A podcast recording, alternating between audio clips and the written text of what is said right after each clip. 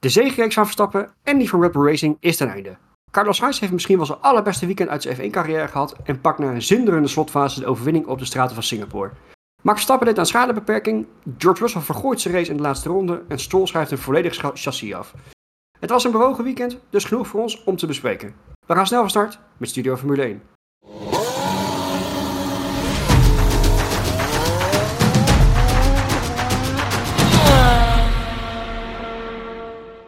Welkom bij weer een, nieuwe aflevering van Studio Formule 1. Dit keer helaas ook wederom zonder beeld. In verband met een vakantie van, uh, van onze editor, onze Marco. Ik ben Roy, ik ben jullie host. Ik bespreek in dit, geval, in dit geval de race met mijn twee vrienden in plaats van drie vrienden. En we gaan zoals altijd eerst eventjes de, de race gaan beoordelen met de cijfer van 1 tot 10. Ik begin even bij Chris. Wat vond jij van, van de race vanmiddag?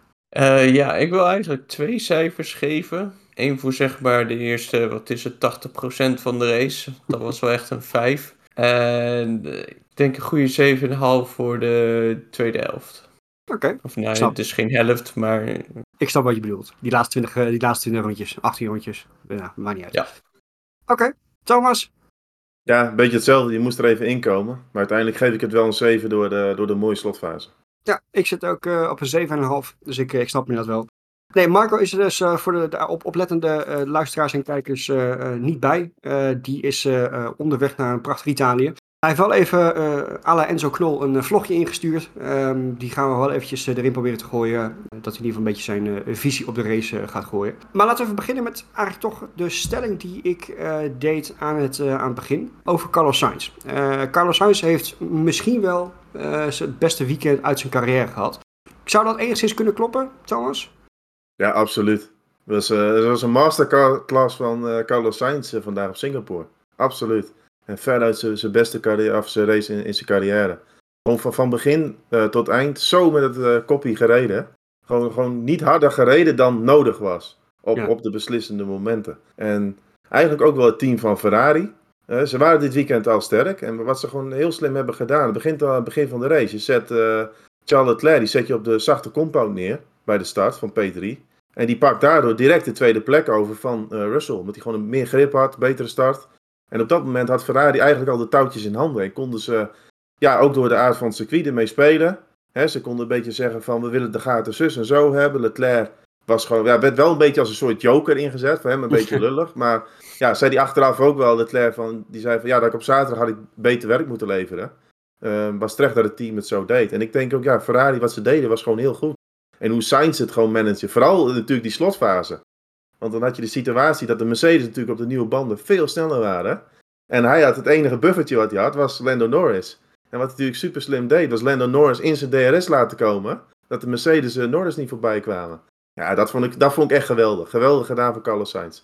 Ja, ik denk zelden dat ik een, een, een coureur heb gezien die zo slim een, een race heeft gereden. En hij was ik, ik, moet wel eens op een gegeven moment dat hij zei van, uh, dat hij wel een seconde in de pocket had. Dat is misschien wel wat overdreven, misschien ook wel niet trouwens. Maar hij wist precies wat hij deed. Uh, was nooit in, ik denk dat hij ook nooit echt in gevaar was, ook aan het einde niet. Weet je, kijk, Singapore is natuurlijk lastig inhalen. Dat is algemeen bekend. Maar het feit dat hij um, um, zo gecontroleerd die race heeft gereden, ja, was wel een, echt wat je zegt een masterclass wat dat betreft. We weten een beetje mee eens, Chris, dat het echt wel een van zijn beste weekend is? Ja, ja, ik ben er helemaal mee eens. Ik vond het mooi om te zien, zeg maar, die in die laatste ronde eigenlijk met de, de andere coureurs aan het spelen was. Ja. Gewoon, ja, als je ziet wel eens een keer uh, in de dierenwereld, zeg maar, dat uh, jagers met een prooi spelen. En dit was gewoon wat Sainz aan het doen was. Zeg maar, terug laten vallen, zodat Norris uh, op het rechte stuk eh, voordeel had ten opzichte van Mercedes. Om zichzelf zeg maar te beschermen. En dat was echt onwijs goed uitgedacht. Ja. En ik heb ook niet het idee dat het uh, per se ook van Ferrari komt. Maar dat dit wel echt zijn eigen uh, denken en kunnen is. En ik denk dat we nu eindelijk zien waar hij daadwerkelijk toe in staat is als hij in deze positie zit. Ja, ja, nu moet ik wel zeggen, dit, dit circuit leent zich ook voor dit soort trucjes natuurlijk. En, en Sainz, dat vind ik altijd al een beetje een schaker. Uh, waar hij vaak voor mij een beetje tekort in schiet, is, is uh, wedstrijdtempo, hè, bandenmanager. Maar dit was dan een wedstrijd waar dat in principe niet heel belangrijk was. Want ja, zodra je op kop lag, kon je zelf een beetje bepalen wat, ja, wat je deed qua tempo en hè, hoe je de banden kon managen. Dus in dat opzicht vond ik het ook wel een wedstrijd die hij dan op die manier naar zijn hand kon zetten. Uh, ja, zijn zwakte, dat is meer op andere circuits dan. Maar dit weekend was gewoon, gewoon foutloos.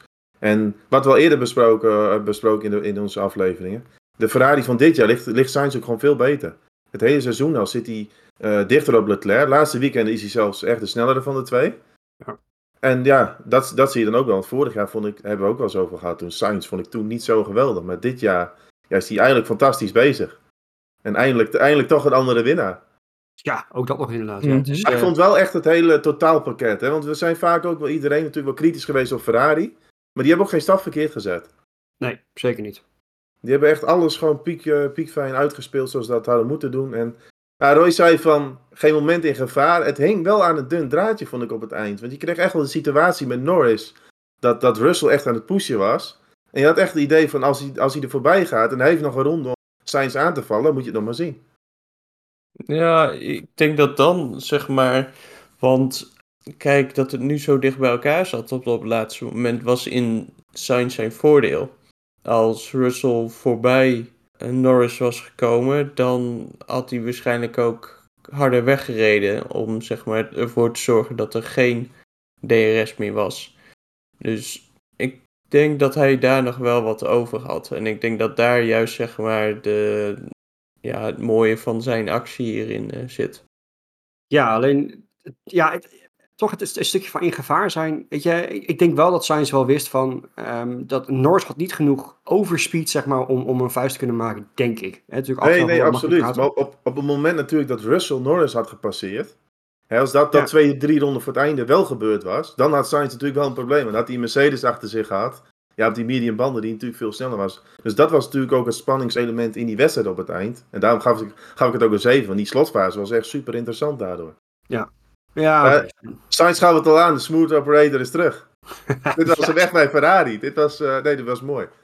Is eh Sainz ook echt, eh, echt eh, jouw top? Of Ferrari misschien als team zo? Nee, absoluut. Nee, Sainz heeft voor mij wel, eh, dat was wel de man die het uiteindelijk deed. En wat, wat Chris ook aangaf, die eh, beslissing op het eind om Norris dichterbij te laten komen, kwam echt van Sainz zelf af. Want dat vond ik wel mooi in die boordradio.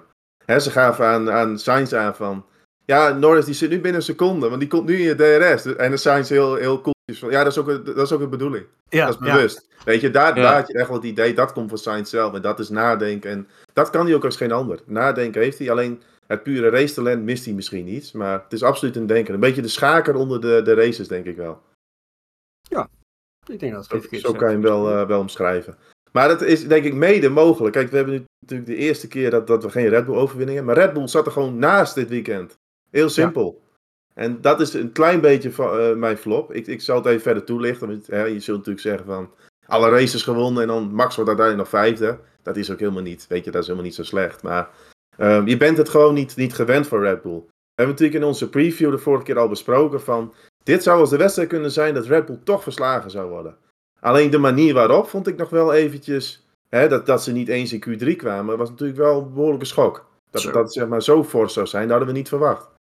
Ja, ja dat was dat wel extreem. eh. Ja, dat had wel echt de oorzaak. Dat ze er gewoon qua setup gewoon echt naast zaten. En dat had eigenlijk met het volgende te maken is dat... Ze hadden een deel van het asfalt, hadden ze ja, van nieuw asfalt voorzien. Eh, waardoor de hobbels eigenlijk iets minder waren dan verwacht. Dus Red Bull had op vrijdag een afstelling die met meer eh, hobbels rekening hield. Nou, dan ga je qua rijhoogte iets omhoog. Nou, dat bleek dus mee te vallen. Zijn ze vrije training 3, zijn ze dat weer iets gaan aanpassen. Zijn ze richting kwalificatie, zijn ze te laag gegaan met de rijhoogte. En dat gaf Max ook al aan. Bij het remmen, ja, dan plapt die auto gewoon op de grond. En er was een nul balans. En dan kun je nog Max Verstappen heten. Maar ja, een onvoorspelbare auto, daar kan gewoon geen coureur wat mee. En dat, dat zag je ook. Ze hadden echt, echt wel problemen dit weekend.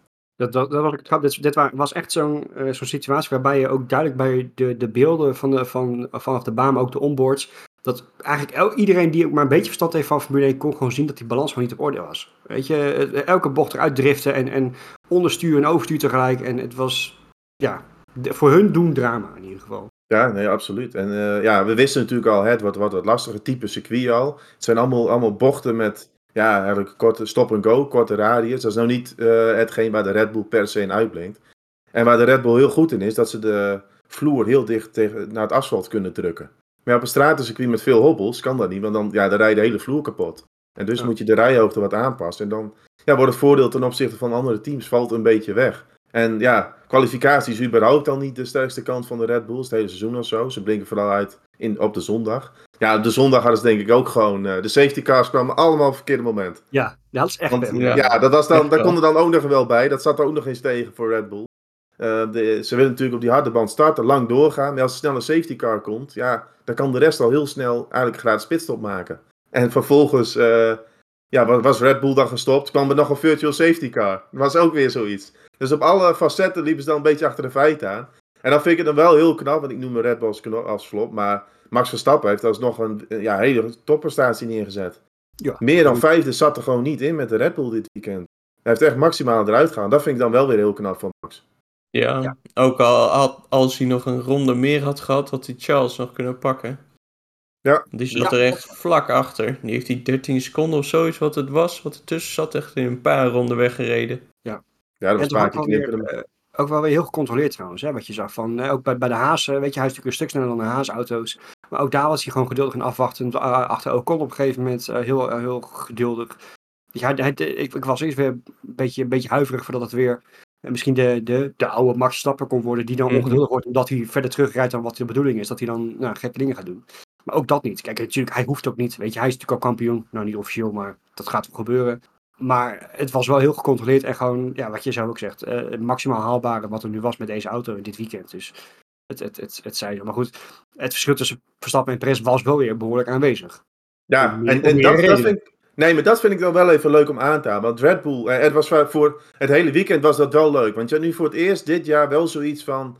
eh, we zitten naar een race te kijken en je gaat helemaal met de open mind in. Ferrari zou het kunnen worden met Sainz, het zou Mercedes, het zou McLaren. Het was echt open. Dat had je vanaf de vrijdag al. Dat maakt het wel... Ja, je zit dan wel met een andere spanning te kijken. En dat, dat vond ik wel echt leuk. Ja, het is alleen waarschijnlijk wel dat het dat dan eenmalig is voor Red Bull. Dit was gewoon een circuit waar ze het hele jaar al riep- riepen van als we alle races willen winnen, dan was Singapore dat wat de lastigste. Ja, dat, dat bleek uiteindelijk ook wel. Heb je natuurlijk wel het verhaal van de, van de technical directive. Ja, ze zeggen zelf aan, ja ons, ja, ons treft het eigenlijk niet, we hebben daar geen last van. Ja, ik denk dat je dat in Suzuka pas kunt zien. Want dat zou een circuit moeten zijn waar de Red Bull wel weer sterk is. Kijk, als daar de pace ook niet is van Red Bull, ja, dan kun je zeggen, hé, hey, die technical directive, daar is toch misschien wel wat aan de hand. Maar nee, dat, dat lijkt er niet, niet het geval. Maar wat je zegt, Perez, want nu zie je dan, Red Bull komt dan in de, in de pack terecht. En dan zie je eigenlijk het verschil, want dan kan Verstappen kan nog een leuk resultaat, maar Perez heeft er helemaal niets van gebakken. Echt helemaal niets gewoon. Nee. En dan, dan zie je dus het verschil, als jouw twee rijders niet bij elkaar zitten. Kijk, weet je wat je bij Aston Martin hebt, hè? Alonso haalt de punten wel en de ander zit er dan buiten. Want Perez Ja, is denk ik best wel, best wel vaak weggekomen met een superieure Red Bull op zondag, denk ik. Ja, dat klopt. Maar het was wel ook gewoon een aantal domme acties. Weet je, in het begin was, hij volgens mij in de clinch met Tsunoda. Ja. Eh, nou, een stukje van Albon, die is het voor me niet op televisie uitgezonden. Maar dat was ook echt een actie dat je denkt van, waar haal je het in godsnaam vandaan? Ja, dat raad ik aan een luisteraar. Voor wie dat nog niet gezien heeft, de actie van eh Perez bij Albon in de slotfase. Ja, dat is echt bosautootje spelen. Slaat helemaal nergens op. Dat, dat, dat, gat was er niet. Weet je, hij zet, gewoon binnenkant, hij zet hem echt in de, in de zijkant van Albon. Die aan een sterke race bezig was trouwens. Eh, wederom. Ehm, dus echt doodzonde. Maar het, Ah. het- Wat ik daar wel lullig aan vind, is dan Perez die krijgt dan die 5 seconden straf. Maar Albon die, die verliest daar veel meer. Ja. En die, Ja. die dondert helemaal naar buiten. Want volgens mij heeft Perez heeft het niet eens een plek gekost. nee, klopt. Dus ja, dat zijn wel van die dingen met straf altijd denkt van ja. Hè, want dit was wel iets dat ik dacht, je kan een keer te laat komen met enthousiasme. Dit was, wat je zegt, er was helemaal geen gat. Hij ramte hem er echt gewoon tussen, alsof die boshoutje aan het spelen was. Tja. Dus eh, Ja. Ja, dat was zonde. Nee, eens. Kijk, het zal waarschijnlijk eenmalig zijn. Eh, wat, we- ik denk wel dat in het Suzuka een hele belangrijke daarin wordt. Eh, we gaan natuurlijk zo meteen nog even kort vooruitblikken op Suzuka volgend weekend. Maar dat zal de voornaamste, eh, de- nou, het, het, het, het, eh, het bewijs zijn of die technical directive invloed heeft of niet. Maar voor nu, weet je, ja, het, het enige weekend waar, waar het dan misschien niet lukt, ja, weet je, je moet er ook niet, niet te veel van maken. We hebben er een En- mooie race voor teruggekregen, dus dat is vaker gebeurd op Singapore. daarom. Ik hoorde van het weekend volgens mij David Cool dat zei een keer. eh, van ja, toen Mercedes er dominant was, kwamen ze naar Singapore. eh, op een gegeven moment werden ze ook naar zesde, zevende. Was er helemaal niks. Kijk, wat dat betreft, Singapore is gewoon niet representatief voor heel veel andere circuits. Eigenlijk totaal niet. Eh meest vergelijkbaar is dan Monaco misschien. Ja. En daar moest Max ook eh, moest een alle zeilen bijzetten om toen de pole te halen. Ja, dat was. Ze hadden Singapore misschien kunnen winnen als alles perfect hadden qua afstelling en dergelijke. Maar ze zaten er gewoon naast. Ja, en dan dit veld zit zo dicht bij elkaar. Dat maakt het ook wel leuk. Ik vond het wel echt een leuk weekend daardoor. Wel interessant. Absoluut. Ja. absoluut. Over Red Bull Racing gesproken. eh, zoals gezegd, onze, eh, onze weersvoorspelaar eh, eh, eh, Marco, die is er vandaag eventjes niet. Eh, hij heeft wel voor ons een klein stukje opgenomen van wat hij er zelf vond. En ik eh, laat het specifiek nu eventjes eh, even horen, in verband met eh, een stukje Red Racing. Laten we even kijken wat, wat Marco ervan heeft gevonden vandaag. Hey toppers, ook even een update van mij vanaf een wegrestaurant in Frankrijk bij Straatsburg. Daar ben ik op dit moment. Kleine noot, al die, als die grote wegrestaurants in Frankrijk, die, die heten hier allemaal Leclerc. Voor, voor degenen die niet vaak in Frankrijk komen, of juist wel. Heb geen idee of het familie van, eh, van Charles is, maar eh, nou ja, dat, dat is ook even wat het is. Ehm, ik heb gelukkig tijdens de rit vanuit huis richting Frankrijk een, ja, toch een beetje geprobeerd de race mee te krijgen. En ja, wat kan Formule 1 dan toch mooi zijn zonder Red Bull Racing? We hebben vandaag denk ik echt ja, de piek F1 ervaring ja, gezien. En eh, in Singapore, waar het ging tussen drie teams in een, in, een fantastische race eh, om de overwinning. Super goed gespeeld door Charles, of, eh, Charles Leclerc, door Carlos Sainz. Ik ben helemaal in de war van die Leclerc hier. Goed super goed gereden door eh, Carlos Sainz, die denk ik op een piek van zijn, eh, eh, van zijn kunnen zit. Die heeft een fantastische symbiose gehad met Lando Norris, waarbij ze elkaar nodig hebben gehad om de 1-2 veilig te stellen. Dat hebben ze fantastisch gedaan. Ehm, maar ik, eh, ik wil eigenlijk deze ja, mini-vlog eh, eindigen met een vraag voor jullie. Heeft Liam Lawson het dit weekend nu heel erg makkelijk of heel erg moeilijk gemaakt voor AlphaTauri, dan wel Red Bull Racing? Eh, heel veel plezier en heel veel succes nog met de podcast, jongens. Ik spreek jullie heel misschien volgende week vanuit een fantastisch Italië. Ehm, we gaan het zien. Veel succes nog, boys. Dankjewel eh Marco. Marco heeft wel een heel interessant punt. Eh, hele interessante stelling. En die wil ik graag eventjes ingooien. Liam Lawson, ook direct eventjes dan een bruggetje naar mijn top. Dat was namelijk Liam Lawson. Eh, is de derde Grand Prix op een behoorlijk pittig baantje. Gewoon P9 pakken in. Dat, dat, dat is gewoon ja, mega knap. Ik denk wel dat hij hoofdpijn gaat bezorgen of heeft bezorgd, aan het bezorgen is, bij de Red Bull leiding. Eh maar ze hebben natuurlijk best wel een aantal kandidaten. We hebben het er vaker over gehad. Ik denk wel dat, dat ze een keuze moeten gaan maken. Want ik, ik, in principe zou ik zeggen van je kan het nu eigenlijk niet meer maken om hem eh, weer een jaar naast de zijlijn eh, te zetten. Nee, verwacht ik ook. Maar meer keuzestress heb je nu. Hè? Je hebt nu eigenlijk drie Ja. mannen voor, voor twee stoeltjes.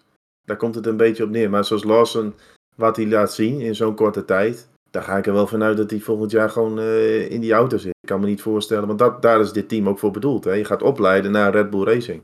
Ja, maar ten koste van wie dan? Nou ja, kijk, dat, dat hebben we vaker gedaan. Kijk, Tsunoda, die heeft nu wel, dat moet ik even eerlijk zeggen, die heeft wel de pech nu dat alles bij hem even verkeerd valt. Ja. Eh, Monza, want daardoor krijg je niet... Lawson doet hartstikke goed, hè? Dat, dat, buiten, dat staat buiten kijf. Maar Tsunoda heeft op dat moment wel de pech dat alles gewoon bij hem verkeerd gaat. In Monza kon hij niet, helemaal niet rijden. Dit weekend in Singapore was hij bij Vlaag echt heel snel. In de eerste kwalificatie, Q1, was hij gewoon de snelste man zelfs. Nou, de Q2 wordt hij dan een beetje opgehouden door Max en heeft hij helemaal geen tijd echt kunnen neerzetten. Goed. Ja, dan de zondag is het ook alweer na twee bochten, was het alweer gebeurd. Maar kijk, Tsunoda heeft nu al wel langere tijd gehad en daar hebben we ook wel vaak aangegeven van. Die heeft eigenlijk niet voldoende laten zien om door te stromen naar Red Bull Racing. Dus wat is dan nog de reden om hem aan te houden? Honda is vertrokken, dus ze hoeven ook niet per se Japan eraan te houden. Eens, ja. Ja, Dus ja. En voor Ricciardo was heel duidelijk, die wilde ze gaan testen of hij het nog kon om eventueel Perez te gaan vervangen. En dan is voor mij heel duidelijk, er zijn twee mensen die je wil uitproberen, zijn Lawson en Ricciardo. En Tsunoda heeft de tijd daar al voor gehad, denk ik. Ja, dat, dat hij de tijd daarvoor heeft gehad, dat, dat ben ik inderdaad wel met je eens. Ik denk dat ze het het beste eh, eraan doen om, zeg maar, Tsunoda de rest van het seizoen uit te laten rijden en dan even zien wat er verder nog uitkomt. Want ik weet niet of eh Ricciardo volgend weekend alweer terugkomt. Nee, volgens mij niet. Nou, dan heb je nog mooi een, eh, nog een extra momentje voor eh Lawson om te kijken wat hij kan. Ja, en Suzuka kent hij. Heeft hij natuurlijk ook gereden met eh Super Formula. Eh, Ja. Ja, misschien Maar- is dit dan juist wel een, of Suzuka juist dan wel een goed circuit om dat te bekijken. Want Yuki heeft daar waarschijnlijk ongetwijfeld als Japaner ook vaak genoeg gereden. Dan eh misschien goed vergelijkingsmateriaal. Laten we, laten we in ieder geval vooral hopen voor, eh, ook voor Yuki dat hij gewoon een, in ieder geval soort van probleemloos weekend heeft. Want inderdaad, wat Thomas zegt, hij heeft in twee, twee wedstrijden heeft hij een halve ronde gereden. Dat is eh, vrij pijnlijk. Daardoor krijg je niet echt lekker die vergelijking tussen Lawson Oh. en Tsunoda. Nu, Lawson, weet je, als je Q3 al met die Alfa Tweet gewoon fantastisch, hè. En dan ook nog in de punten, dus, dat staat buiten kijf. Maar ja, ik denk, ik denk dit jaar dat Ricciardo die, zal, die nog wel uitproberen. Ja, dat is natuurlijk wel, wat ga je dit, dit seizoen doen? Ik denk dat Chris daar ook op doelt. Maar ja, voor volgend jaar lijkt mij gewoon dat je met Lawson en Ricciardo gaat rijden. Ja. Want voor beide valt wat te zeggen, te zeggen richting Red Bull Racing. En Tsunoda, ja, dat, dat wordt hem niet. Daar kun je wel van uitgaan. Nee, sowieso voor de lange termijn niet. Hij gaat nooit naar Red Bull Racing toe. Eh, met, met, eventueel met de Honda, dan gaat hij misschien richting Aston Martin over een paar jaar, weet je, eh, zeg maar. Dus we gaan, we gaan het in ieder geval zien. Maar wat mij betreft in ieder geval wel echt absoluut de top. Ehm laten we echt hele goede dingen zien in, in de eerste drie wedstrijden. Eigenlijk ook gewoon foutloos. Weet je, want we kunnen wel zeggen wat we willen, maar het is nog steeds gewoon een rookie. Eh, die, eh, ehm, eh, hij rijdt wel. Super Formula is, volgens mij sneller dan Formule 2. Eh, is het echt wel tussen Formule 2 en Formule 1 zit er eigenlijk in. Maar het feit dat hij eigenlijk zo ja, foutloos rijdt en gewoon goede dingen laat zien. Nou, het, wo- het worden wel interessante maanden voor hem en voor de Red Bull-leiding. We- Weet je wat nou het allermooiste was aan, aan die Lawson? Want daar genoot ik nog het meeste van. Op een gegeven moment kwam in de wedstrijd kwam, eh, Verstappen eraan, nieuwe banden. En dan zou je misschien denken van, hè, ik, ik laat hem gewoon Ja. voorbij, want het is wel prima. Maar die Lawson, die ging echt nog even een serieus potje verdedigen. Dat, dat, daar hou ik nou echt van. Dat vind ik mooi. Niet Klopt, zomaar ja. denken van, hè, dat is Verstappen en dat is het grote Red Bull. Natuurlijk een beetje eh, de grote broer. Nee, gewoon echt wel even probeer je positie te verdedigen. Dat, dat vind ik wel mooi. Dan ben je het juist hout gesneden. Klopt, ja, goed dat je het zegt. Ja, absoluut. Ja, oké. Mijn flop is ook een team wat ik eigenlijk net al noemde. Nou, ik, ik, ik, begin in, in eerste instantie wel als volledige team van Aston Martin. Eh, want het was natuurlijk dramatisch, maar dat was echt de schuld van de coureurs in dit geval. Ook deels van het team natuurlijk met een pitstop. Maar het was natuurlijk gewoon dramatisch. Eh, Aston Martin, die, of eh, Lance Stroll, die hebben natuurlijk al vaker in de rubriek flop gehad. Voor mij is hij echt een koploper inmiddels ook. Maar die schrijft gewoon een complete auto af op zaterdag. Die, en dit gaat heel raar klinken, ook al een makkelijk praat achteraf. Maar ik, ik, ik voelde hem al aankomen. Je zag die onboard, hoe die al uit die laatste chicane kwam. eh driftend en glijdend en doen. Ik had zoiets van, dit, dit, dit gaat te hard. Weet je, hij gaat overriden als het ware. En dat, eh, en dat gebeurde dus ook. Eh, een goede klap ook trouwens. Laten we wel weer zien dat de auto's wel veilig zijn. Toch wel wat, wat te veel pijn voor, om te racen vandaag. Maar normaal gesproken brengt zijn teamgenoot Fernando Alonso, eh, de meest ervaren coureur eh, nou ooit ongeveer, heeft eh, volgens mij heeft na vandaag officieel meer dan 100.000 racekilometers gereden. Ook best wel een prestatie. Maar die heeft dus, normaal gesproken brengt hij de punten binnen. Maar ook dat was, eh, dit, dit, alsof er een andere coureur achter het stuur zat. Eh, pitlane missen, eh, als, als een rookie. eh, rare fouten maken. Ehm, dit, dit was niet Tess Fernando's volgens mij. Een totaal ander contrast dan die andere Spanjaard die, die je vandaag vooraan mee weet, of niet? Ja, ja, jij zei is nog... dat die 100.000 kilometer, hè? Dan- Ja. Misschien is dat de grens. en Gaat het nu, Ja, nu echt bergafwaarts. Toe aan vervanging. Zo, Ja. ja. Maar dat- eh. Nee, maar Sainz had natuurlijk de beste race van zijn carrière misschien wel. Maar Alonso had misschien echt wel de slechtste. Want ik kan me niet een Alonso op deze manier herinneren. Gewoon alles ging gewoon fout. Ja. Gewoon letterlijk alles. Hè. Bij die, die pitlane ook. Als je dat een andere coureur ziet doen, denk je, wat is dat voor amateur? Hij schiet daar Als door. En nu, nu moet ik wel zeggen, die pitlane op Singapore is net een fietspad. Dat is zo smal daar. Maar weet je, dat je die mist als Alonso zijnde, dat, dat verwacht je natuurlijk niet. En dan later inderdaad nog, nog, nog een stuurfout. En nee, het was eigenlijk onherkenbaar. En als klap op de vuurpijl nog dat die pitstop van Aston Martin. Het was echt een ramp daar. Verschrikkelijk. Ja, terwijl hij er op zich qua snelheid eh, de rest van het weekend er wel redelijk bij. Weet je, hij had, Ja. echt wel punten mee kunnen nemen. Maar, Maar toch heeft Aston Martin echt wel een jasje uitgedaan. Die hebben, dat kan je wel duidelijk zien, die hebben wel die, die tik op de vingers gehad dat ze de voorvleugel moeten aanpassen. Want dit was toch in, als je begin van het seizoen zou zeggen, het circuit als eh, Singapore, was echt Aston Martin blijft geschreven. Van die Ja. korte, langzame bochten. Monaco was ook natuurlijk heel sterk. Dus ook in dat opzicht, eigenlijk op alle fronten was het helemaal niks. Ja. En dan, dat krijg je, dan heb je maar één rijder. En dan die Stroll, die, ja, die bakt er helemaal niets van. Het hele jaar. dan. Met die heeft misschien twee fatsoenlijke wedstrijden neergezet nu. Twee, denk Ja, ik. ongeveer. Spanje, dat hij toen al voor Alonso zat. En ja, die eerste wedstrijd dat hij dat, hij dat van zijn handen had, vond ik op zich ook nog wel, hè. Dan kun je denken van zo'n blessure allemaal netjes. Maar hij bakte gewoon helemaal niets van. En dat zei die, die teambaas zei van de week ook nog. Ja, Alonso en Stroll, die zitten echt op hetzelfde niveau. Ja, Ja, heel goed. je.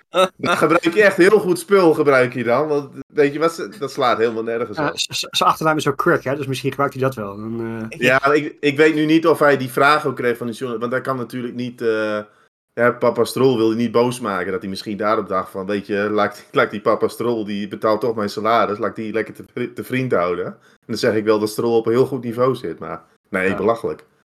Tjonge, jonge. Ja, hoe, je, hoe je dat kan verklaren, geen idee. Maar goed, weet je, ehm, ja. het was, dit weekend was gewoon allebei was gewoon dramatisch. En hopelijk eh, volgend weekend weer, weer beter. Maar eh, dit, dit was niet Des Fernando's. Dus eh, die gaat even eh, negatief in het, zonde, in, het, eh, in, het, eh, eh, in de schijnwerpers. Chris, wat heb jij vandaag van de race gevonden qua top en flop? Ja, ik, ik wil als top de Norris nemen. Onze vrolijke vriend heeft met de nieuwe update van McLaren toch weer wat moois neergezet. Eh, van P4 naar P2 gereden. En ja, dat, dat heeft hij uitstekend gedaan. Toch weer terugkomend op dat de laatste stint met eh, de Mercedes'en is het ja, op zich wel geinig dat Sainz hem ook heeft geholpen om uit de klauwen van Russell weg te blijven. Ja. En het is wel mooi om zeg maar die, ja, die synergie tussen die twee eh, zielen, eh, ondanks dat ze niet meer bij elkaar in het team zitten, toch te, ja, te zien herleven. Dat vind ik wel mooi om te zien. En ja, hij heeft gewoon uitstekend gereden. Weinig fouten. Behalve Eigenlijk geen fouten. Nee. Dus, eens.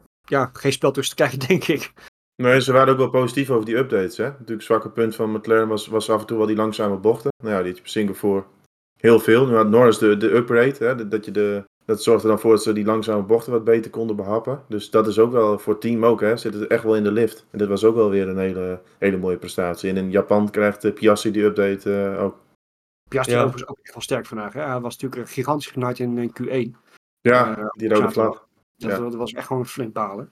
Eh, maar hij is er gewoon super knap teruggereden. Weet je, dat, zonder die updates nog. Dus eh, Ja. ja, ik, ik, En- ik blijf... Ja, Ja, nee, en, en Norris heeft nog een val opengezet voor iemand in de laatste. ja, ook nog ja. Ja, ja, dat eh, komen we direct aan bij mijn eh, flop, eh, die eh, toch vol in die val ge- gestruikeld is, gevallen. Namelijk George Russell. Zo gefocust was op eh, de lijnen van Norris en daarmee eh, dat stukje wand eh, aantikte en zo weer recht door de muur in ging. Ja, dat was natuurlijk, ja, hartstikke jammer. Ik, ik, ik snapte ook niet, eh, volgens mij snapte hij zelf ook niet helemaal hoe dat nou fout ging. Als ze een interview hoorde, was het ook zoiets van ja, ik heb er eigenlijk geen, geen woorden voor. Want zeg maar, de set van Mercedes om nog weer te wisselen naar die nieuwe mediums. Ja, dat was natuurlijk een uitstekende call geweest. En ze waren zoveel sneller dan de rest. Eh, met z'n tweeën in opmars. Maar ja, Russell kwam er gewoon niet voorbij. Norris. Eh, dat verbaast me ergens ook wel weer een beetje. Ik had eigenlijk verwacht dat hij daar dan met zoveel meer snelheid alsnog voorbij kon komen. Want Russell zakte achter Norris ook wel een beetje in qua tempo. Want Hamilton die, nou ja, het werd al bijna meer een gevecht tussen de twee Mercedes'en dan met de twee auto's daarvoor. En zou in potentie Hamilton een grotere kans hebben gehad op de winst dan Russell? Want dat, dat idee heb ik namelijk wel. Helemaal richting het einde leek Hamilton echt wel de snellere te zijn. Ja, dat idee Ja. had ik ook. Ik denk dat de, de fout die Russell een beetje maakte in zijn opmars op medium was dat hij... Hij ging best wel snel door zijn banden ook heen, had ik het idee. Dat hij te agressief was. En Hamilton kon het wat beter managen. Dus stel dat de rollen andersom waren, dat Hamilton de voorste Mercedes was, dan had ik het op het einde wel willen zien. Want Hamilton oogde echt wel, eh, wel een stuk sneller. Maar die, die fout van Russell was echt een soort ja, onbewuste val van Norris. Want Tja. er wa- was een bocht naar links en die wilde natuurlijk zo, zo goed mogelijk aansnijden. En ja, ze zaten zo dicht op elkaar, die laatste ronde vol aan het pushen. En Norris die schampt met zijn rechterwiel eh, de muur. Ja, Russell neemt, kopieert eigenlijk die lijn, alleen dan misschien net een fractie meer naar rechts. Ja, die klapt erin en die zie je zo recht doorgaan. Die, ja, die trapt daar gewoon in een val. Dat is echt verschrikkelijk voor Russell. En ik denk stiekem dat die Lewis Hamilton, die zat echt wel te lachen in zijn auto. Natuurlijk. Maar dat had je al Ja. bij de start, toch? Dat, dat, hè, Lewis die, schoot, die, die koos het hazenpad, wel heel makkelijk. En toen zei hij van, ja, eh, George die, die duwde me van het circuit af. Nou, totaal geen sprake van. Maar Nee. dat had je, en, en toen was Russell was boos, want hè, Hamilton zat voor me en die moest die, naar achteren en zus en zo. Je, je merkt altijd aan de, aan de radio van Mercedes onderling, die twee, ja, die, die doen er alles aan om voor elkaar te zijn. Dat is ook goed, maar ja, het, het gaat soms ook wel een beetje, hè, een beetje van die kleine steekjes zijn het af en toe, heb ik het idee. En ik denk dat die Lewis, die zat zich kapot te lachen toen die Russell door de muur is gegaan. En dat hij nog even lekker naar het podium kon. Dat denk ik echt. Ja, dat zou iedereen toch doen. Ja. Ja, nee, tuurlijk. Maar daar heb ik echt het idee dat ze, ja, wel, wel een spelletje met elkaar spelen af en toe, die Russell en, en Hamilton. Het is niet zo roze geur als dat ze dat doen blijken volgens mij. eh, dat Nee, want ik, ik krijg soms wel een beetje een Rosberg-Hamilton gevoel bij, hoor. Ja, ik denk dat het wel heel ver gaat, maar ik snap waar je naartoe wil. Dat, Nee, maar dat ging nog om de knikkers. Dit gaat nog niet eens om de knikkers. Die gaat vaak om podiumplaats of P- P4. En dan zie je al, laat staan dat je om een kampioenschap strijdt. Ja. Dan ja, maar ik denk dat Russell zeg maar ook nog zoiets heeft van... ik wil me gewoon bewijzen tegenover eh, de grote Hamilton. En zeg maar, Hamilton heeft zoveel meer ervaring. Die was in deze val eh, bewust of niet, zeg maar, niet ingetrapt. En ik denk inderdaad ook, het had mij niet verbaasd als Hamilton wel eh, P2 had gepakt. Als hij voorop reed. ja. Ja, want, Russell zetten we nu wel weg als slot. Maar eigenlijk doet hij het wel heel goed. Want ik heb bij Mercedes, dat is een van de weinige teams waar ik echt het idee heb, dat is gewoon 50-50. Puntenstand laat het dit jaar niet zien. Hè, maar die was vorig jaar dan wat in het voordeel voor Russell. Dit jaar Russell, kijk vandaag zo'n nul score, dat hakt er natuurlijk ontzettend hard in. Want dan verlies je een podiumplaats. Maar ook als je kijkt kwalificaties, het, voor mij staat Russell eentje voor op Hamilton, zo uit mijn hoofd. Dus dat zijn wel twee. Ik vind dat wel altijd interessant te volgen bij Mercedes. Hoor. Want die twee zijn echt aan elkaar gewaagd. Dat is echt wel, eh, dat is wel heel mooi. Ja, dat klopt. Ja, het- ik denk dat dat wel klopt. Dat, dat het eh, het beste, het meest aan elkaar gewaagd is. Dat denk ik wel. Ja. Ook helemaal goed trouwens, maar goed. Dat, eh, Ja, dus ik hoop ook. eh, laten we hopen dat Mercedes met, met Verstappen daar lekker aan het front. Want dan krijgen die Hamilton en Russell. Dan wordt het nog veel leuker. Dan krijg je nog veel meer vuurwerk. ja, dan hebben we elke, elke week een aflevering van twee uur, denk ik. Dan, Ja, wat, wat vonden jullie trouwens van Toto Wolf die op donderdag zei van... ja, het was ook wel wat wat, wat, wat ik zei. Want ik vond dat op zich nog best wel netjes dan van Toto. Hebben we natuurlijk vorige week ook behandeld. Hij zei dit keer ook wel, het was niet de meest eh, intelligente uitspraak. ja, best wel netjes, maar die is ook gewoon door een PR-persoon op de vingers getikt. Net als Helmut Marco, die is ook op zijn vingers getikt. Ja, daar zit ook wel wat in. Maar op zich vond ik het wel goed dat ze dat... En eh, alles werd ook wel opgeblazen. Want ik vind nog steeds dat van Helmut Marko... Ja, weet je, dat is ook gewoon dom. Dat is een beetje, eh, ja, een beetje zo'n lompe boer die dan zo'n domme uitspraak doet. Maar, ja, maar het was niet, niet heel kwaad bedoeld, denk ik. Nee, Nee, maar het is typisch voor de personen zelf, denk ik. En ook als je die, die interviews altijd ziet, het wordt ook wel een beetje, hè, de- pers die houdt daar ook van. Van. Toto, kijk, Max die zei op een gegeven moment van, ja, Toto lijkt wel medewerker van Red Bull. Maar hij krijgt ook heel vaak vragen van, ja, wat denk je van de Red Bull? Of ja, Helmoet die zegt dit en dan moet Toto natuurlijk op reageren. Dus ja, ik vind dat stiekem altijd wel leuk. ja. Het is een beetje als Ajax en Feyenoord, hè, eh, Red Bull en, en Mercedes. Ze zijn echt wel elkaar, elkaars vijand nog steeds, dat kun je wel merken. Ja, die zullen nooit vrienden worden. Dat, eh dat hoeft ook niet. Weet je, dat, dat geeft ons ook weer eh gesprekstof. Dus dat, eh, Ja, nou, ik vind het heerlijk, ik vind het mooi. Oké, tot zover in ieder geval top en flop. Er zijn nog een aantal coureurs die we daar gemist hebben. Bijvoorbeeld een Pierre Gasly heeft eigenlijk een hele sterke race gereden. Hebben we niet echt over gehad. Nee. Ehm, Maar Ocon eigenlijk ook, want die had Ocon weer de pech met de Renault-kracht Ja. ja. toch de geest te geven. Want die ja, was ook toch... mij. Ja, ja, in ieder geval, hij begaf het weer. Ocon zit een beetje, lijkt wel of hij de auto van Alonso vorig jaar overgenomen heeft. ja, Ja, eh, ja, wel veel pech aan zijn kant zitten, heb ik het idee een beetje. op zijn verjaardag. Ja, hij stond bij mij nog wel op de shortlist voor de, voor de top eh, tot toen. Ja, en dan valt het in één keer, eh, één keer in duigen. Maar Alpine was op zich best, best redelijk. Ja, je ziet gewoon de handicap motorvermogen. Dat was dit circuit is dat niet zo'n zo'n rol dan. En dan doen ze Ja. wel weer leuk mee. Ja, wel een verschil met Monza dan, hè? Bizar. Ja, maar dat spe- speelt zich totaal geen rol van betekenis. Pace van, eh, vooral dan Albon van, van Williams, is dat nog enigszins verrassend? Kijk, of hebben ze, ik heb namelijk het idee dat ze inmiddels dus echt wel een stabiel pakket hebben voor eigenlijk alle circuits wel. Hè? Dat het niet puur meer hoge snelheidscircuits zijn. Nou, ze deden hier wel leuk mee. En een beetje, zij deden ook de tactiek die Mercedes op het eind deed, hè, naar die medium. En toen kwam Albon, die had echt wel kans op punten. Dus een beetje eerder was het ondenkbaar op zo'n circuit. Maar Williams is echt wel een team wat op alle gebieden wel stappen heeft gemaakt. Ik vind het ook mooi dat als eh, Albon was ook gevraagd van, eh, eh, ja, die, die is natuurlijk best wel een beetje populair voor, voor ja, de transfermarkt als het ware, voor silly season. Maar hij zit zelf ook gewoon heel tof. Joh, ik wacht eerst af wat Williams volgend jaar doet. Weet je, want het kan best zijn als Williams die lijn doorzet, dat ze gewoon volgend jaar echt gewoon voor haar middenveld bijvoorbeeld meerijden. En waarom zou je dan een, een gok nemen om over te stappen naar een ander team terwijl je hier op voor kan borduren? En je echt ja, de teamleider bent en hè, dat helemaal kan, naar, naar je eigen hand kan zetten. Dus ik snap dat op Ja. Nee, voorlopig, voorlopig zit hij zeker op zijn plek. En ja, weet je, als ik Williams eh, een beetje op, op Monza terugkom, toen noemde ik Sargent al een flop. Ja, dit keer bakt hij er ook weer helemaal niets van. Had hij weer in de voorvleugel onder zijn auto liggen. Ja, weet je, met Sargent, dat is, dat is... Dat vind ik. Ergens is dat wel een sneuvels in Nick de Vries. Die wordt eruit gebonjourd. Ja, die, die hadden opties. Maar Williams met, met, met Sargent, dat is helemaal niks. Gewoon helemaal niks, echt. Nou ja, Dat is echt niet, dat is echt niet veel beter dan Latifi, hoor. Laten we heel eerlijk zijn. Dat is echt niks. Nee, misschien had de Vries daarheen gemoeten. Ja, denk ik wel. Nou, dat zou misschien wel eens gek zijn inderdaad. En Haas? Ja, nou, ik wilde heel graag nog wat over Kevin Magnussen zeggen. Want wat heb ik weer genoten van die man, zeg.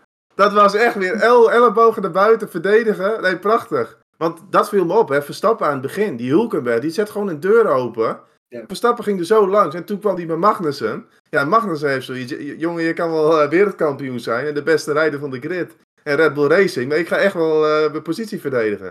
Ik heb echt genoten van die Magnussen. Ja. Echt mooi. En kwalificatie ook goed, hè? Was hij eh, P6. Ja, absoluut. Ja, En ik had Ja, eigenlijk, het, het, het feit dat, dat hij een puntje heeft gepakt, had ik, had ik echt niet verwacht hoor. Want meestal, we hebben het natuurlijk vaker over Haas gehad, dat ze op de zondag, eh, is het tussen zakjes als een baksteen naar beneden weer, qua racepace en qua bandenslettages, noem het maar op. Maar gewoon een puntje meegepakt, natuurlijk ook door het uitvoeren van Russell, anders was, die elfde geworden. Maar toch, weet je, eh, best wel voor hun doen echt wel een sterk weekend, of niet? Ja, en dat, Ja. dit circuit, kijk, op, ik denk dat de racepace weer niet heel fantastisch was. Want ze hadden constant wel weer rijders in de nek eh hijgen. Maar ja, dit Ja. circuit leent, leent, een beetje wat Ferrari natuurlijk heeft, hè. Dat je op zo'n circuit, je kan er niet makkelijk voorbij. En dan als je goed kwalificeert, kun je best wel je posities een beetje verdedigen. Ja, En ik vond Magnussen, vond ik best wel, best wel een held. Had ik ook wel eens willen overwegen. Vond ik echt mooi. Nou, snap ik. Dan het, eh, nog misschien nog een team wat voor de zoveelste keer helemaal onzichtbaar was. Alfa Romeo hebben we het ook vaker over gehad, omdat ze gewoon nooit in beeld zijn. Omdat ze, ja, wat, wat is het eigenlijk? Is het veldvulling? Is het... eh, veldvulling. Ja, het- ja, misschien ook wel. Eh, maar ze- zelfs zo onzichtbaar dat volgens mij oprecht de uitvalbeurt van Bottas is gewoon niet in beeld geweest. Nee. Of ik heb het gemist, maar Ik Nee, heb het ook niet gezien. Ik zag het ineens, zeg maar, great out in beeld Ja. staan. Dat Bottas het niet meer meedeed. Ik dacht, is gewoon halverwege uitgestapt. Zoiets van, nou eh, jongens, eh, het zal wel. Ik ga terug naar het hotel. Het is mij te warm. Of, eh, ja, dat zou nog kunnen, ja. Nee, ik, ik geef Alfa Romeo groot gelijk. Want volgend jaar is het gewoon weer Sauber. Dan is Alfa Romeo eh, als titelsponsor weg. Dus, want, je, want dat team, dat, je hoort er niks van, je ziet ze eigenlijk niet. Ze komen niet in beeld. Als sponsor ben je verschrikkelijk slecht uit. Je krijgt geen waar voor je geld. Dus je bij Sauber, eh, bij Sauber de sponsor bent op dit moment. Ja, klopt. En voor mij is het nog steeds, want ze hebben nu ook beide coureurs verlengd. Ja, eh, dat, op zich vind ik dat ook wel logisch. Ik vind dat ze beide wel redelijk doen. En ik denk dat Joe ook nog wel wat geld met zich meebrengt. Hè, met Chinees geld. Natuurlijk ook een interessante markt. Want je zou dan kunnen denken aan Poucher. Ja, weet je, doet, doet het goed in Formule 2. Of dat nou echt zo'n wereldtalent is, heb ik ook mijn twijfels over. Nou, Maar het dat- is voor mij, eh, is het, het is voor mij een beetje wachten op Audi. Dan, dan gaat dat team echt, denk ik, daar gaat er wat gebeuren. Tot die tijd is het gewoon een grijze muis en gebeurt er niks. Ja, en toch is Audi ook een gok. Weet je, natuurlijk, het is een fabrieksteam. Hè? Het is een fabrieksteam met ontzettend veel backing en ontzettend eh, veel intelligente mensen daar eh, aan het werk die echt wel weten hoe ze een auto moeten bouwen. Maar het is wel een compleet nieuw team. Toen Honda eh, weer terugkwam, was ook iedereen helemaal lang enthousiast van Honda. Die weten wel hoe ze auto's moeten maken. Dat was natuurlijk een farce, wat heb ik jou daar. Weet je, dus op zich, ja, ik, ik snap ergens wel dat je het wilt, want het is een natuurlijk heel groot fabrieksteam. Maar ergens heb ik ook zoiets van, misschien is het best wel een gok om dat te, te gaan doen, om daar te wachten. Maar goed, het, Ja, maar daar zie, ik- daar zie ik nog potentie. in. Of het lukt, Audi lukt, weet ik niet. Maar daar zie ik nog potentie. in. Weet je, Alfa, eh, Romeo op dit moment, ja, de potentie is er niet. Ze hebben de middelen niet om zomaar die aansluiting te vinden. En Audi heeft natuurlijk wel de middelen en die zijn druk met mensen eh, werven. En je ziet ook gewoon de, de dingen die zij doen, dat is heel veel op lange termijn. Hè. Zijn mensen aan het drijven, Seidel is daar naartoe. Maar dat is allemaal voor lange termijn. Ze zijn met Carlos Sainz in gesprek om die dan rijden te gaan maken. Het is allemaal, ze zijn bezig al met het Audi-project. En wat er nu gebeurt, korte termijn, is even ondergeschikt, denk ik. ja, oké. Dus in dat opzicht, eh, kijk, daarom kijk ik daar meer naar uit. Ik denk dan dat het team meer mogelijkheden gaat krijgen. Ja, en jij noemt net ook, eh, nog even een klein zijsprongetje, je noemt net Poucher. Kijk, eh, iedereen vindt dat dan een, een logische opvolger. Hè? Formule 2-coureur ligt aan de leiding, eh, maakt kans op de titel in Abu Dhabi. Maar de, Formule 2, eigenlijk de afgelopen jaren al, eh, ik denk het laatste echte talent wat we hebben gehad in de Formule 2 was eh, Charles Leclerc. Die echt eh, in de Formule 2 echt eh, iedereen aan het op een snotje reed. Daar had je echt zoiets van, dat is echt eentje die moet doorstromen, die gaat het goed doen. Sindsdien hebben we dat, denk ik, bijna niet meer gehad. En, Piastri? Sorry, Ja, Piastri, je Dat is ook wel heel sterk. Dat Ja, is een uitzondering. eh, Ja. Maar verder alle, alle kampioenen die we hebben gehad, weet je, zoals dit jaar ook als die eh uh, het kampioen wordt of die eh Vesti kampioen wordt. Ja, weet je, het, het, is, het, zijn goede, het zijn goede coureurs. Ik bedoel, ze rijden waarschijnlijk rondje om ons drieën heen, daar niet van. Maar weet je, het, het, het, het zijn geen megatalenten. En dat is natuurlijk ook wel, eh, die keuze wordt niet voor niks gemaakt, lijkt mij. Nee, uiteraard. Weet je, er zit gewoon niet iemand bij waarvan je echt denkt, hij die heeft iets speciaals. Dat, dat, dat is Nee. er gewoon niet, niet echt. En dan hoor je van, ja, weet je, Formule 2 is een doodspoor, want je komt niet in de Formule 1. Ja, dat is natuurlijk onzin. Het gaat er gewoon om een, om een lichting. Want op een gegeven moment heb je de lichting Russell is. Weet je, dat was gewoon een hele sterke lichting. Die komen er heus wel. En Piastri is er ook gekomen. Alleen die jongens die er nu in zitten, dat, ja, dat maakt gewoon niet een hele sterke indruk. En, en natuurlijk de stoeltjes, die zijn schaars. Want dat is natuurlijk wel zo. De, de coureurs gaan steeds langer door. Hè. We hebben Alonso gehad. En ja, die houden wel langer zitjes in bezit natuurlijk. Hoe langer de coureurs doorgaan, hoe minder kansen voor de rest is. Maar ik denk niet dat er iemand bij zit waarvan we echt denken van zo, wat speciaal. Want anders wordt hij heus wel opgepikt. Ja, daarom. Dat- Tuurlijk. Eh, als echt goed talent stroomt vanzelf wel door. Weet je, dat, dat, eh, en we, hebben- we hebben tegenwoordig echt wel een, een Formule 1 grid waarbij iedereen die daar rijdt volgens mij zijn stoeltje verdient. Hè? We hebben echt geen, geen pay-drivers meer. Ja, Stroll dan misschien. Eh, maar we hebben... Zeg, Ja, nee, maar goed, weet je, we hebben ook jaren gehad dat eh, in Rio Harianto meereed. Weet je, dat, dat, dat soort dingen heb je natuurlijk ook niet meer. Of een uh, Kartikeyen of eh, eh, ik noem maar wat. Nee, echt, echt koekenbakkers. We hebben echt Ja. zei van, nou, eh, weet je, dan kan ik zelf misschien nog wel beter. Even wat, Ja, Ja, ja. die gevalletjes. De hobby, echt pure hobbyrijders in wezen, die niks te zoeken hebben. Ja. Nee, in de breedte is het, is het ook eh, veel sterker. En coureurs worden ook steeds beter natuurlijk, hè. Je hebt alle simulatietools Ja, tegenwoordig. zeker. Want dat, eh, ja, daar kan je zelf natuurlijk als coureur ook ontzettend eh, ontwikkelen. Ja, absoluut. Goed. Ik denk dat wij eh, Singapore wel een beetje hebben gehad. Of is er nog iets wat jullie nog heen willen gooien wat we hebben gemist? Maar ik ben wel benieuwd naar jullie idee bij het circuit. Want we hebben natuurlijk die race beoordeeld met een cijfer. Wat je wel, je zag wel echt een vreemde wedstrijd naar mijn idee. Wat je aan het begin van de wedstrijd, is dat nog wel dan echt racen? Want ja, het was bijna een soort Monaco. Er werd, werd bewust gewoon een soort delta aangehouden. We gaan niet pushen. Toen had ik wel zoiets van, waar zit ik nu een beetje naar? Dit was echt een optocht. Er gebeurde gewoon Ja. niks bijna. Ja. En, en ja, dat was wel heel apart. Het was alsof je een beetje naar een eh, wielrenwedstrijd aan het kijken bent. Ja. Maar dat, dat ze 200 kilometer rijden en dan eh, eerst een beetje casual aan het fietsen en dan de laatste 20 meter gaat er wat gebeuren. Zo voelde het een beetje. Ja, dat, dat, dat idee had ik ook heel sterk. En dan eh, door die safety car heeft de wedstrijd een beetje gered. Want dan kreeg je op het eind natuurlijk die verschillende strategieën. Want in wezen had je wel volgens mij wel eens anderhalf seconde eh, ja, overschot op je voorganger nodig om echt een actie te kunnen inzetten. Ja. En toen op het eind kreeg je natuurlijk die banden verschillen. Toen werd het wel, wel leuk. Maar ja, dat, dat, het circuit was natuurlijk wat aangepast. Ik vond het jammer dat we dan op die nieuwe zone, maar dat was best wel een recht stuk, dat je dan geen DRS had. Ja, dus het schijnt, als ik, eh Hamilton heeft er voor mij over gezegd, dat er toch één of twee teams zijn die dat hebben geblokkeerd. Want ze wilden het dus wel. Ze wilden dus een test gaan doen, ook in de vrije training, om daar een, vierde zone aan, aan toe te passen. Ja. Maar dus, er zijn toch één of twee teams die daar tegen zijn geweest. Eh, wie dat zijn geweest, weten we natuurlijk niet. Nou, dan mag je raden wie dat zijn. Ik denk eh, wat mannen in het rood die vrij sterk in de kwalificatie op het algemeen zijn. Ja, dat snap ik ook. Als jij, als jij Ferrari bent en je weet we hebben een sterke auto in kwalificatie, ja, dan zit je niet te wachten op extra DRS. Nee, Dus zon- nee, zonder namen te noemen, denk ik wel dat Ferrari daar niet zo happig op was. nee, dat is eh, een dikke kans. Eh, goed, we zullen het natuurlijk nooit eh, echt weten, maar eh, ik, ik, ik, ik moet zeggen, ik, vond die, eh, ik, ik, ik vind het wel werken. Hè? Een aantal coureurs hebben ook al aangegeven van, eh, eigenlijk willen we ook deze eh, layout houden nadat die werkzaamheden klaar zijn. Nou, wat mij betreft, ik zeg het doen of niet. Ja, want, want als je daar dus wel die DRS had gehad, denk ik dat je wel iets meer mogelijkheden had gecreëerd voor het inhalen. Ja, klopt. Ja. Oké, we gaan een, eh, een, kleine eh, vlucht maken. Eh, het is niet zo heel ver vliegen volgens mij naar Japan. Volgende, volgende week staat dan weer de Grand Prix van, van Japan op het prachtige circuit van Suzuka op, op het programma. Bij gebrek aan Meteo Marco heb ik er zelf even naar gekeken. We verwachten in principe gewoon een droog weekend. Dat is maar goed ook, want als we in Japan regen hebben, dan heb je ook vaak echt regen. Dus we hebben wel vaker dat daar een kwalificatie op zondagochtend bijvoorbeeld is verreden om, om die reden. Weer een beetje een, een normaal circuit. Eh, Singapore was natuurlijk sowieso een beetje een vreemde eend in de bijt. Eh, het, eh, had- Ik wil je toch nog onderbreken, want ik zie in andere nieuwsdingen dat op vrijdag het juist onwijs gaat regenen. Oh, oké. Die, had ik die had ik nog niet gezien. Ik dat, zie hier 33,4 mm staan. dat is vrij veel. Ja, dan kun je de Dat vrijdag is misschien kun je de erg vrijdag dan, dan overslaan en dan zaterdag, zondag misschien alleen rijden. Maar dat, Ja. ja. ja, dat heb je wel eens in in die contraien natuurlijk. Dat is vaak wel leuk trouwens. Als ze op vrijdag bijna, bijna niet rijden, dan heb je heel veel data. Dat geeft vaak best wel een onvoorspelbaar weekend. Dat geeft soms wel leuke races. Dat zou op zich wel, wel mooi zijn. Ja. Maar goed, het is op zich een, een vrij normaal circuit. Al heel anders dan, dan Singapore. Eh, verwachten we daar ook weer een, een reset naar de, zeg maar, de oude pickorde? Eh, of verwachten we bijvoorbeeld eh, dat een Ferrari ook echt wel sterker blijft met eventueel die nieuwe technical directive, et cetera, et cetera? Ja, nou, die, die technical directive hè, voor, de, voor, de, voor de vleugels en, en de vloer, dat ga je nu denk ik wat meer tot uiting zien komen. Voor, eigenlijk is dit circuit wel weer, weer compleet anders dan wat we hiervoor gehad hebben. Hè? Suzuka heeft juist van die hele lange, snelle, doordraaiende bochten. En dat was precies de zwakte van Ferrari eh, voorheen. Dus ik denk, Ferrari hebben we nu twee keer heel sterk gezien. Zij zullen denk ik wat lastiger krijgen. En Red Bull zou in principe op de oude vorm gewoon weer dominant moeten zijn. Vooral in handen van Max Verstappen.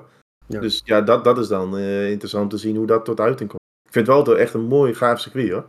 Want Ja, ik, ik, jij bent er geen fan van, Roy. Maar Ik, ik, ik weet het, spijt me. Ik ben echt geen fan van. Ik vind het, ik vind het helemaal niks. Ook om te rijden of om te kijken? Wat, eh, ook allebei, Allebei. zelfs. Ja, want maar wat ik weet, een, een droge race op, Suzu- op Suzuka is vaak niet heel spannend.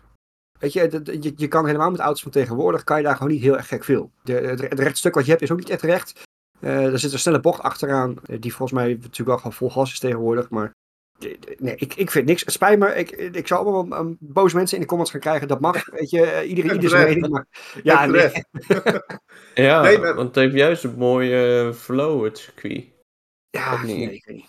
Die S's, dat zie je gewoon helemaal nergens. Ik vind dat echt wel Nee. heel gaaf. En als je daar een foutje maakt, het is zo op de limiet. Als je daar een foutje maakt, dan hang je gewoon lekker het grind in. Dan kan je niet Ja. uitloopstrook. Alleen, wat ik wel eh, snap van Roy's punt, is je hebt, het beste inhaalpunt is eigenlijk het stuk dat je vol gas richting die laatste chicane gaat. En dan heb je die 130R ertussen zitten, hè, die snelle knik. Alleen daar gebruiken ze nooit DRS. Dus op het snelste punt van het circuit heb je geen DRS. En daar gebeuren wel de inhaalacties in feite.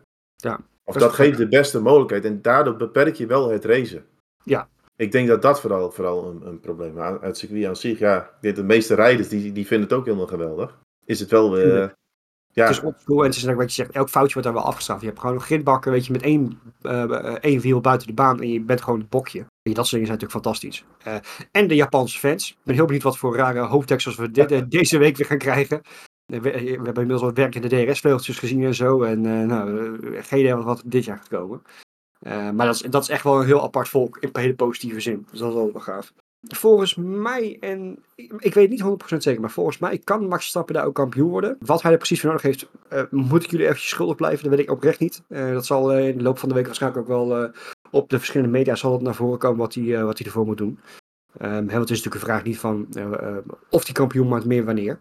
ja, anders, anders wordt het waarschijnlijk Qatar. Dat is wel een beetje... Ik weet niet, Qatar kan... Gadverdamme. Ja, en dan hoop ik niet dat het in zo'n sprintrace is. Dat is helemaal wat. Ja, dat kan ook inderdaad, ja. Ja, we hebben daar die sprintrace. Als je met Qatar kampioen worden, dan, dan zou ik het wel in Suzuka houden. Je. Interlagos, nou ja, is wel een beetje dat je denkt van, hè? ja. Een beetje kill daar. Maar het- ik moet zeggen, het is wel echt, eh, wat wel heel, heel grappig is, dat het wel echt heel vroeg eigenlijk is. Hè? Want eh ja, hij heeft dan, stel, Stel, er dat zijn hij, nog best veel races te gaan, zeg maar. Ja. daarna. stel dat hij 10 Japan wordt, dan heeft hij dus zeven wedstrijden voor het einde, heeft hij dus eh, een kampioenschap binnengesleept. Dat is, dat is wel knap hoor, dat is echt eh Schumacher-praktijk is inderdaad.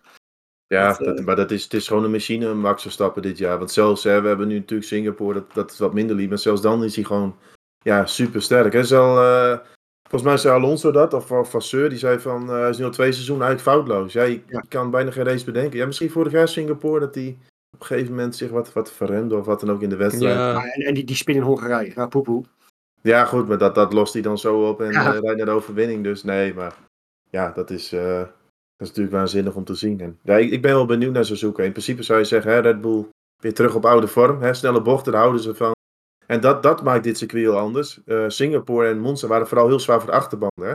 Eh, remmen en dan hard uitaccelereren, alle druk op de achterband. Suzuka met die snelle bochten is juist voor de hè, linksvoor, is, is, krijgt het echt zwaar te voortduren.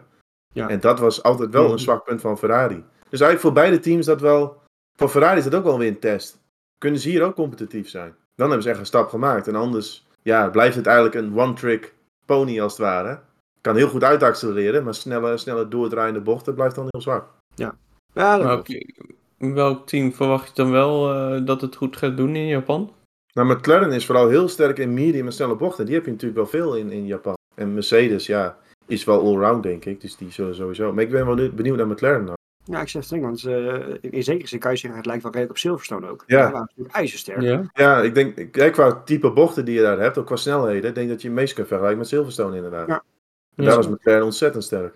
Nou ja, laten we daar ook gewoon lekker onze voorspellingen op, eh, op loslaten. Ik trap hem lekker af, want ik, eh ik, bij mij is het gewoon lekker standaard. Eh, Verstappen, Perez, Norris. Ook met inderdaad McLaren in, in het achterhoofd. Eh mooi, wordt gewoon weer een 1-2 en Verstappen die wil geraakt. Dus ik denk ook dat het zo'n...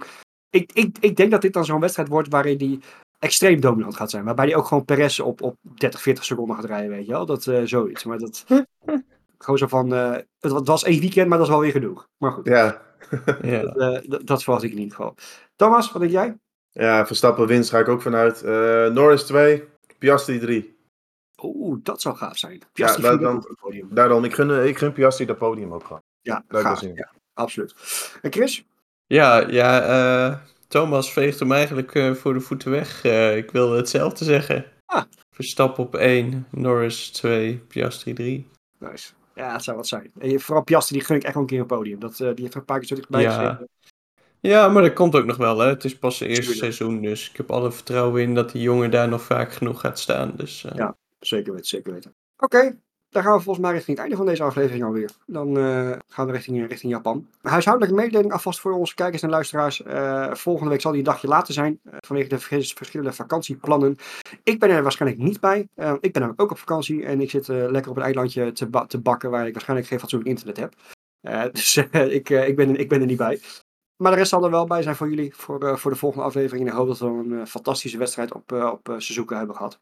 Voordat we hem gaan afronden, eh, altijd de standaardvraag waar Thomas eigenlijk altijd een antwoord op heeft. Hebben we nog een naamverandertje? Ja, tuurlijk heb ik een naam veranderd, Roy.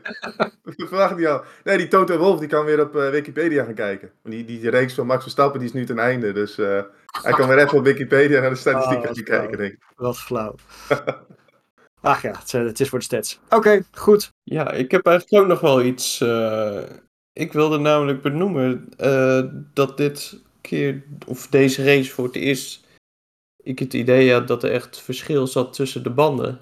Want ik had wel echt het idee dat de rijders met de harde band, zeker in de latere eh, sectie of van de race, dat ze wel echt significant minder waren dan de mediums. Ja, ja, goed punt. Vooral, ja, vooral omdat je hier echt die grip achter nodig had. En je zag gewoon met die zachtere compound, die medium, in de tractiezones, dat je veel meer grip had. Klopt, dat viel mij ook wel op inderdaad. Laat het ook volhouden. Ik had, ik had wel gehoopt dat de slijtage nog iets hoger zou zijn. Want dat, dat toch ook de mensen die op, hard, op een gegeven moment naar hard gingen, dat die echt nog wel een keer naar binnen moesten. Maar goed, het, Ja. eh, het mocht niet zo zijn. Ja, maar dat is ook door dat circuit. Doordat je de mensen Ja. kunt ophouden, kun je langzaam gaan rijden en dan ga je banden er niet aan. Is ook Dat was, beetje, dat was eigenlijk een beetje het vervelende eraan, denk ik. Ja, ja, ja. Kun je een beetje de Monaco-strategie inderdaad eh, toepassen. Ja, dat wel, dat wel. Goed, dan gaan we nu toch erg afronden. Mannen, dank jullie wel voor weer een mooie uitzending. Kijkers, bedankt voor het kijken zonder, zonder beeld in dit geval weer. Excuses daarvoor. Eh, hopelijk volgende week eh, zijn, we het, eh, zijn we weer met, met de kop in beeld. Even afhankelijk van hoe het, hoe het wat de mogelijkheden zijn van onze editor Marco. Mocht u hem dus leuk vinden, duimpje omhoog. Mocht u hem niet leuk vinden, zoals je weet, duimpje omlaag mag altijd. Maar laten we even weten waarom, kunnen wij er weer van leren. Abonneer op het kanaal, ook op de verschillende Spotify of podcastkanalen. Iedereen werkt weer anders, maar volg ons daar dat je op de hoogte kan blijven van onze nieuwe afleveringen. Voor nu dank jullie wel en eh, we zien jullie graag na de Grand Prix van Japan.